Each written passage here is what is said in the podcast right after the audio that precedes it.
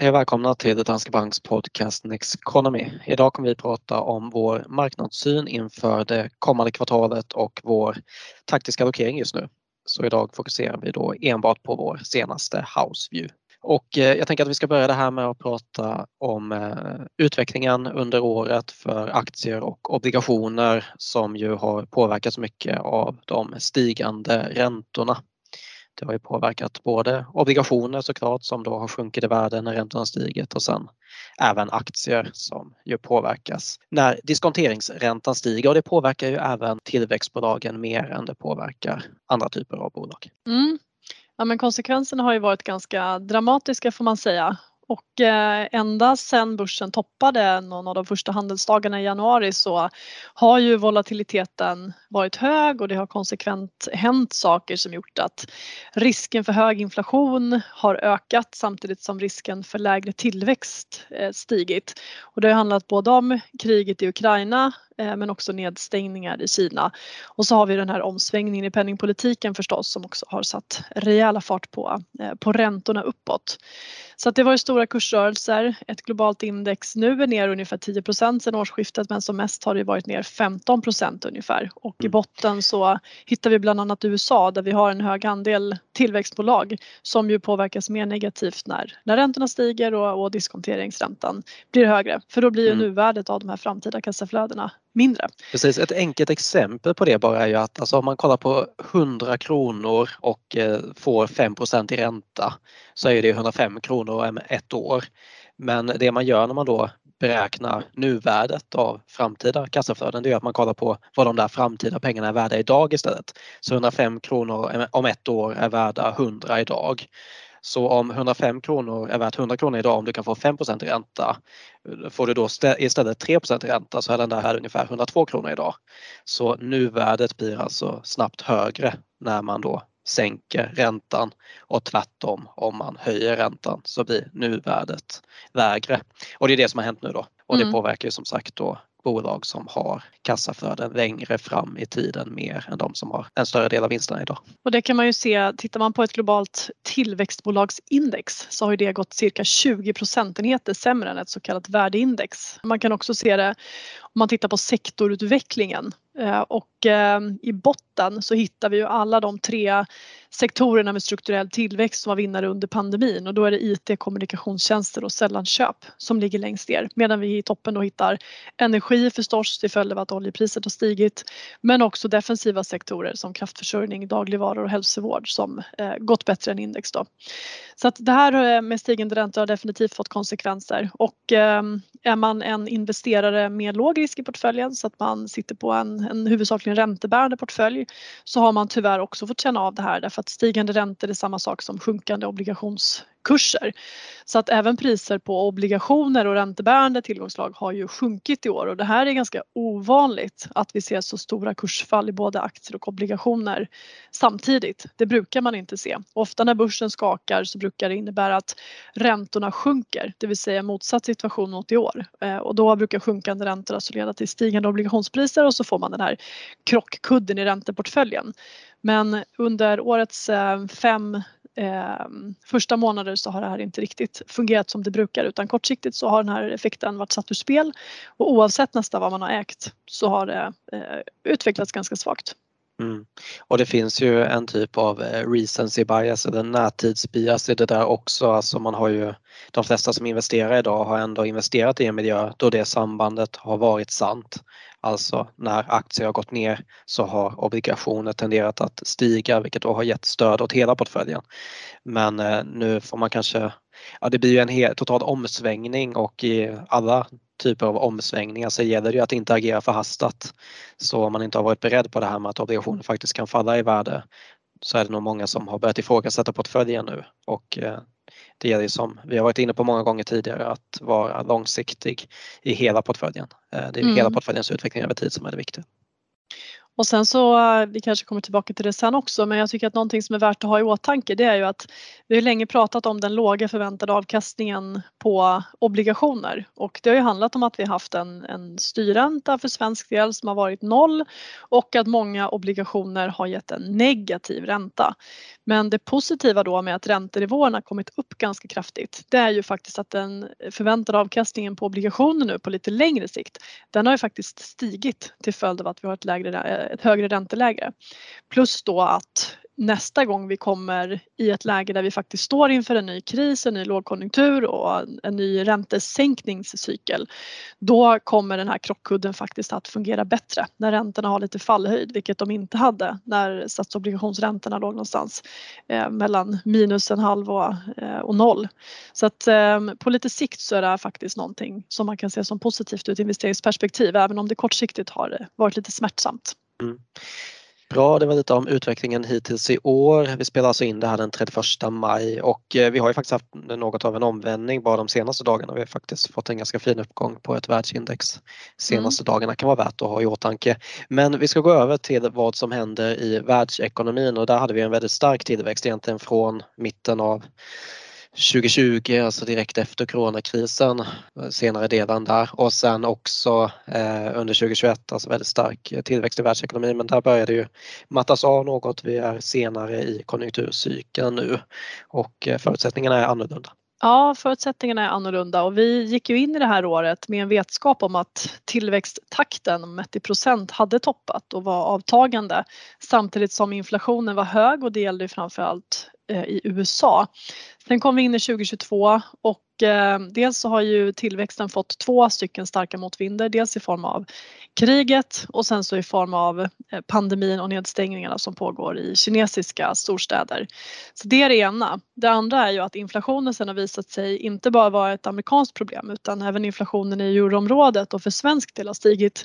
Och det här innebär ju, det här innebär ju att utsikterna för penningpolitiken utanför USA också har förändrats. Så att det är inte bara Fed som gjort en U-sväng utan vi har ju sett samma sak från ECB och inte minst Riksbanken som gick från att säga att vi ska höja räntan 2024 Eh, till att vid nästa räntemöte möte höja räntan med 0,25 procent. Så att det här har varit en, en väldigt ehm, eh, kraftig omsvängning och det är klart att det här har orsakat en del eh, oro då. Men man kan väl ändå konstatera att vad gäller tillväxten i ekonomin så får den ju stöd av så stark arbetsmarknad och låg arbetslöshet, framför allt i USA men även för europeisk och svensk del är arbetslösheten sjunkande. Ehm, en motvind kommer förstås från att hushållen är i en situation där de möter högre räntor på bolånen, stigande priser på energi, mat som man måste köpa, vilket betyder att reallönerna, alltså det vi har att, eh, att göra av med, vi får mindre för pengarna helt enkelt när vi eh, ska konsumera. Och det här riskerar att påverka konsumentsentimentet negativt och gör att man helt enkelt börjar hålla igen på utgifterna. Och i och med att konsumtion utgör en så pass stor del av eh, BNP och eh, tillväxten i världsekonomin så är det viktigt att konsumtionen håller uppe. Och än så länge så kan man ändå konstatera att det gör den och hushållen har också ett stort sparande efter pandemin så att det finns buffertar att ta av eh, så länge inte hushållen börjar oroa sig för mycket och istället försöker bygga kapital Eh, på sparkontot.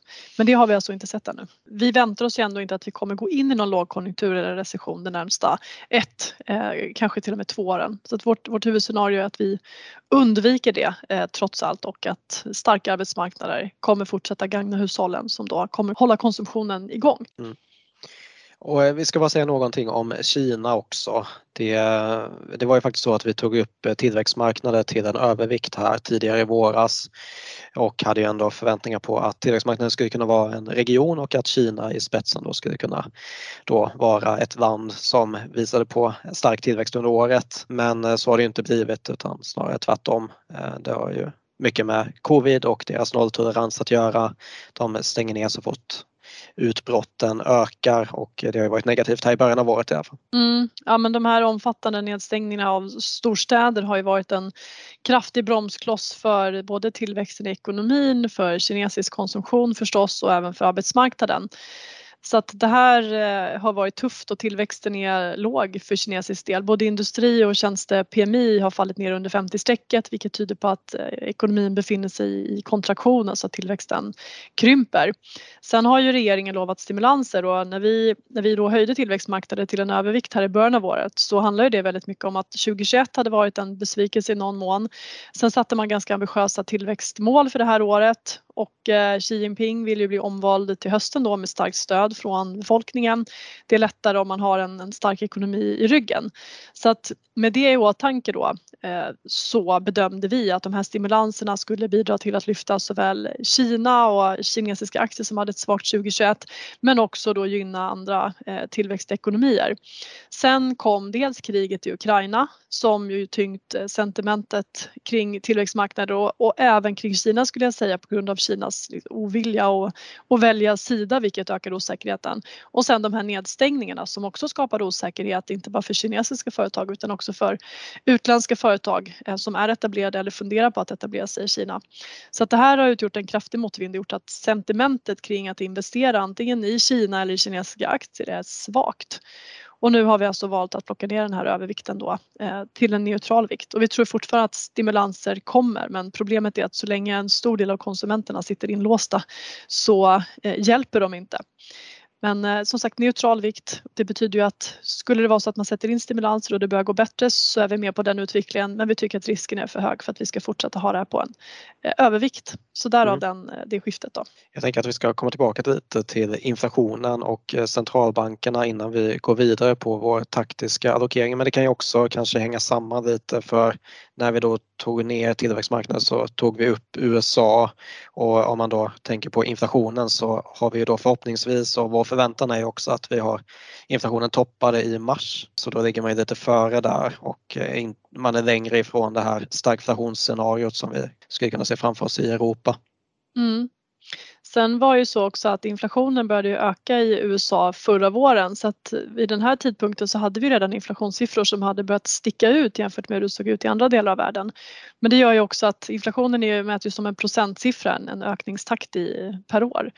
Och eh, i och med att prisökningarna började tidigare i USA så kommer så att säga, jämförelsetalen att vara högre för amerikansk del och det gör ju att inflationen eh, av rent räknetekniska skäl bör börja takta neråt. Plus då kombinationen med som sjunkande reallöner eh, och Feds åtstramning. Så att för förhoppningsvis så toppade inflationen i USA i mars. Den var lite lägre, några tiondelar i april och vi får se om den här utvecklingen fortsätter framåt. För i så fall så kommer det ta bort lite av den här liksom pressen uppåt på räntor och oron för att Fed bara ska bli mer och mer hökaktig. Men för europeisk och svensk del så har ju utvecklingen varit ganska olika för att här kom inflationen upp mycket senare vilket betyder att vi har låga jämförelsetal från fjolåret och vi kommer få leva med en, en hög inflationssiffra förmodligen under stora delar delar av det här året. Och Eh, här finns det därmed en risk för att centralbankerna eh, snarare fortsätter att uttala sig eh, ganska hökaktigt kring hur åtstramande man kommer vara framöver. Och vi tror ju att Riksbanken kommer höja räntan med 0,5 procent i juni, troligtvis i alla fall och sen så att man fortsätter då med steg om 0,25 efter det så att styrräntan toppar på en och en halv procent under nästa vår. Och Riksbanken själv ligger ju lite högre än så i sina prognoser. Sen så får vi väl se vart vi hamnar men vi bedömer ändå att inflationen kommer börja falla tillbaka under nästa år. Att det också kommer ta bort lite press från Riksbanken plus att liksom räntevapnet om man säger så är nog ganska kraftfullt nu med tanke på eh, skuldsättningen och att svenska hushåll har en hög andel rörliga bolån också vilket gör att det slår igenom ganska fort när Riksbanken börjar höja räntorna. Sen så tror jag också bara att liksom signaleffekten från Riksbanken har ju också en åtstramande effekt. Så att, att Riksbanken höjt 0,25 eh, än så länge det har inte så stor praktisk konsekvens men däremot att man vet att det kommer komma en serie av räntehöjningar. Det får ju kanske oss att fatta andra beslut gällande konsumtion, utgifter och eh, köpa bostäder mm. redan idag. Man kan ju se det på bostadsmarknaden redan att det har fått effekt. Alltså det är ju det här så fort man vet att någonting är på gång så börjar man ju då kanske när osäkerheten ökar kring vad räntekostnaderna kommer vara framöver så börjar man då eh, redan nu eh, tänka lite annorlunda och det där kan ju gälla konsumtionen också så det finns en åtstramande effekt i det. Mm. Jag tänker att vi ska gå vidare och prata mer om den taktiska allokeringen. Eh, vi var inne på tillväxtmarknaden tidigare som vi då tog ner. Eh, om vi bara börjar på toppen då aktier kontra obligationer så fortsätter vi ha en neutral vikt i aktier kontra obligationer. Ja. Så i en 50-50 portfölj så tycker vi att man ska ha 50% aktier och 50% obligationer i dagsläget. Och så har vi sett på det sedan i december. Hur kommer det sig? Men i början så handlade det om att vi dels väntade oss att penningpolitiken skulle bli mer åtstramande samtidigt som tillväxten vände ner. Men sen så hade vi också det här utbrottet av omikronvarianten som ledde till att vi fick reserestriktioner och, och nya restriktioner i Europa. Så det visade sig att omikron för eh, svensk, europeisk och amerikansk del snarare var nyckeln till flockimmunitet som vi har väntat på. Så att någonstans kanske det var positivt att det kom. Ehm, för, för vår del. Men däremot i Kina så har det ju fått oanade konsekvenser så att det har ju ändå någonstans bidragit till en, den här svaga utvecklingen som vi haft för för aktier och oron för tillväxten i år. Men som det ser ut nu då så dels så ser vi fortfarande att det finns motvind för tillväxten och att vi har det här läget med hög inflation, sjunkande reallöner, åtstramning av penningpolitiken, geopolitisk oro som vi tror kan fortsätta göra att det är skakigt på marknaden. Men sen har ju också då, precis som vi var inne på i början, den förväntade avkastningen på obligationer på lite sikt har ökat samtidigt som den förväntade avkastningen på aktier framåt är ganska låg. Eh, det är ensiffriga tal. Så att relativt eh, aktier så är inte obligationer så oattraktiva att äga som de har varit under många år. Och nu tycker vi fortfarande att det viktiga fokuset är att ha en, en lagom risk, en balanserad risk i portföljen. och då tycker vi att vi kan ha 50-50 aktier och obligationer eh, och sen så också att man kan titta inom olika tillgångslag både på aktie och på räntesidan på hur man bäst kan positionera sig för det som händer på marknaden. Sen med det sagt då, vi är ju inte ute efter att jaga kortsiktiga svängningar på marknaden utan det vi gör är ju mindre allokeringsförändringar på toppen av en väl diversifierad portfölj eh, utifrån vad vi ser i makroekonomi, räntor, inflation, tillväxtutsikter och så vidare. Men det försöker vi alltså göra, så att rusta portföljen för att få en lite bättre riskjusterad avkastning över tid. Mm. Om man bara ska dra den andra sidan där också, det som du säger, alltså den förväntade avkastningen på obligationer har stigit men man skulle också kunna argumentera för att det har hänt på aktiesidan. Alltså vinsttillväxten fortsätter att vara stabil den förväntade men eh, värderingen har kommit ner, alltså börskursen har fallit vilket ju faktiskt har gjort att värderingen har kommit ner eh, mest i USA men också i, på, i Europa och på tillväxtmarknader. Men sen är det ju också det här relativspelet då. Är det då värt att ta den där extra risken som det innebär att äga aktier kontra obligationer? Får man betalt för den där risken? Det är det mm. som är den stora frågan också. Eh, men alltså om man då ska bara eh, referera tillbaka till den här nedgången vi haft i början av året. Det skapar ju ändå potential både på aktie och obligationssidan framöver att eh, kurserna har fallit. Ja absolut, ja men det gör det.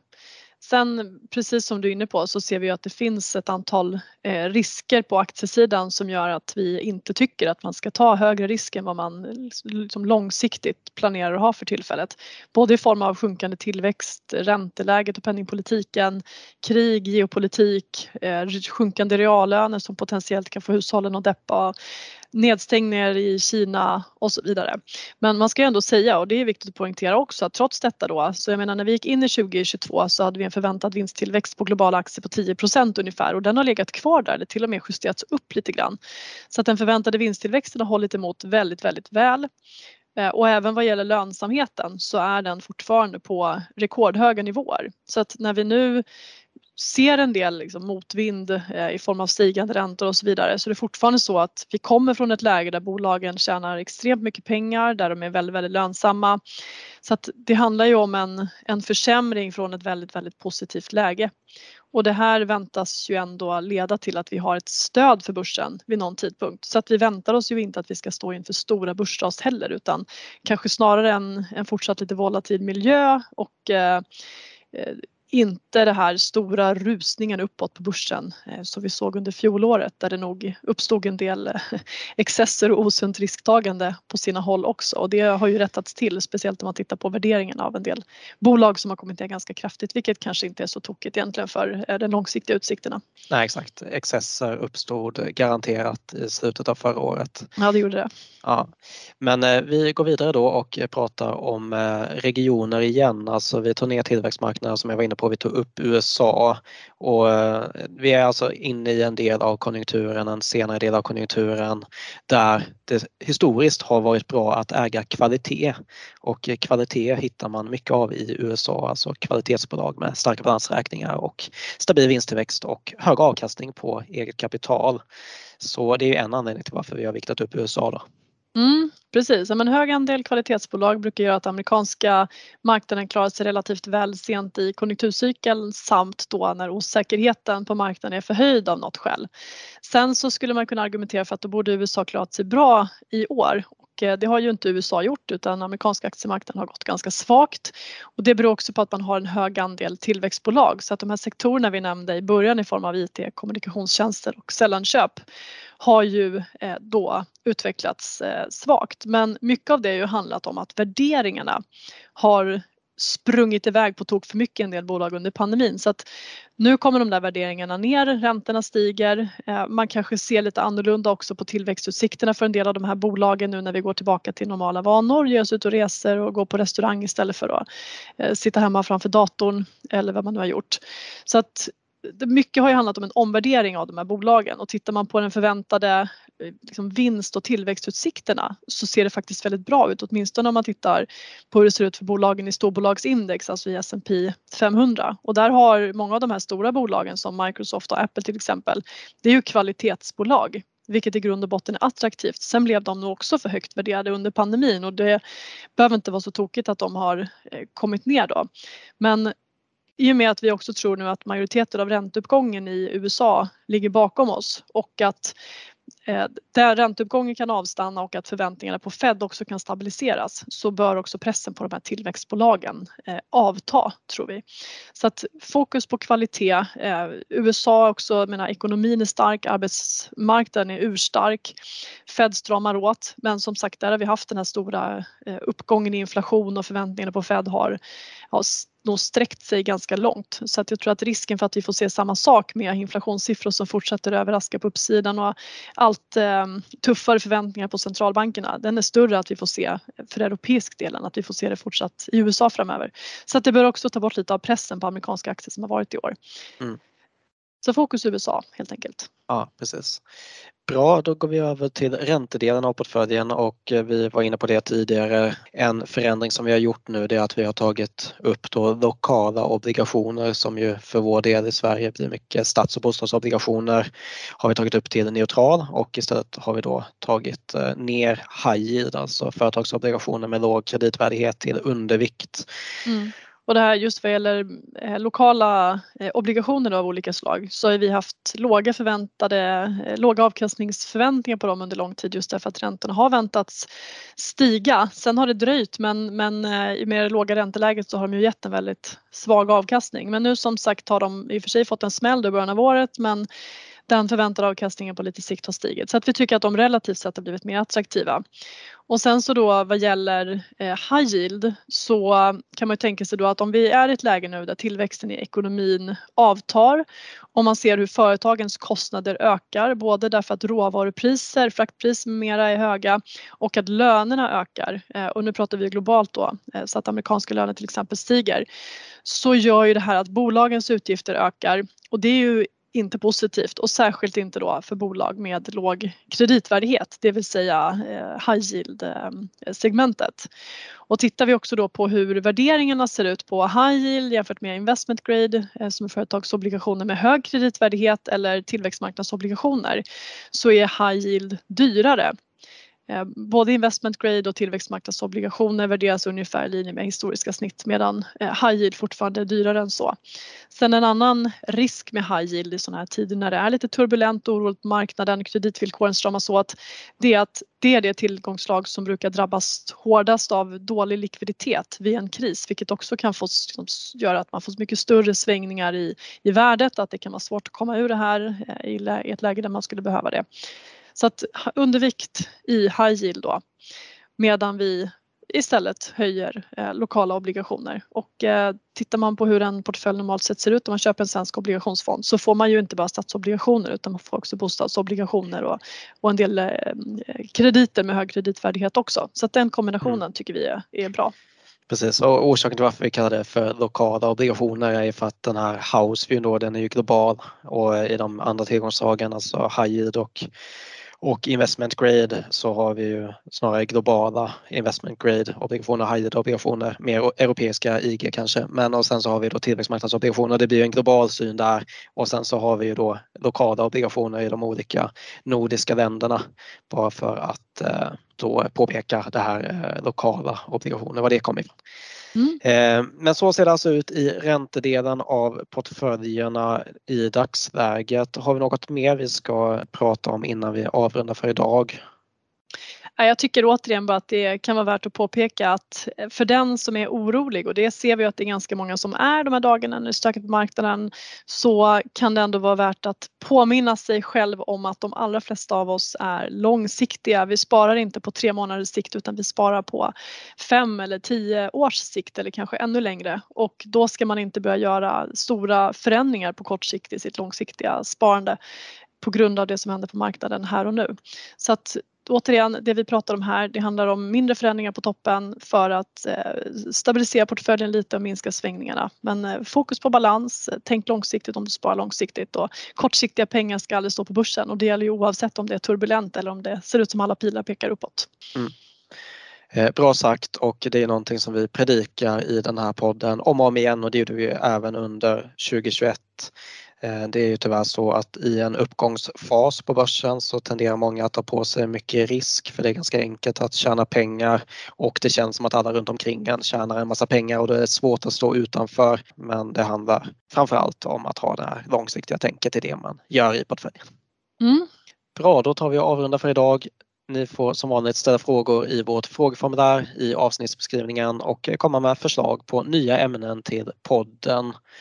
Och eh, gå gärna in på nexteconomy.se för att eh, få mer information om vår marknadssyn. Mm. Och på nexteconomy.se så hittar ni också filmer, poddar, bloggar och eh, krönikor om marknadssyn och investeringsstrategi. Så nexteconomy.se så hittar ni mer info. Då säger vi så för den här gången. Vi hörs igen om två veckor. Tack och hej. Tack och ha en fin vecka.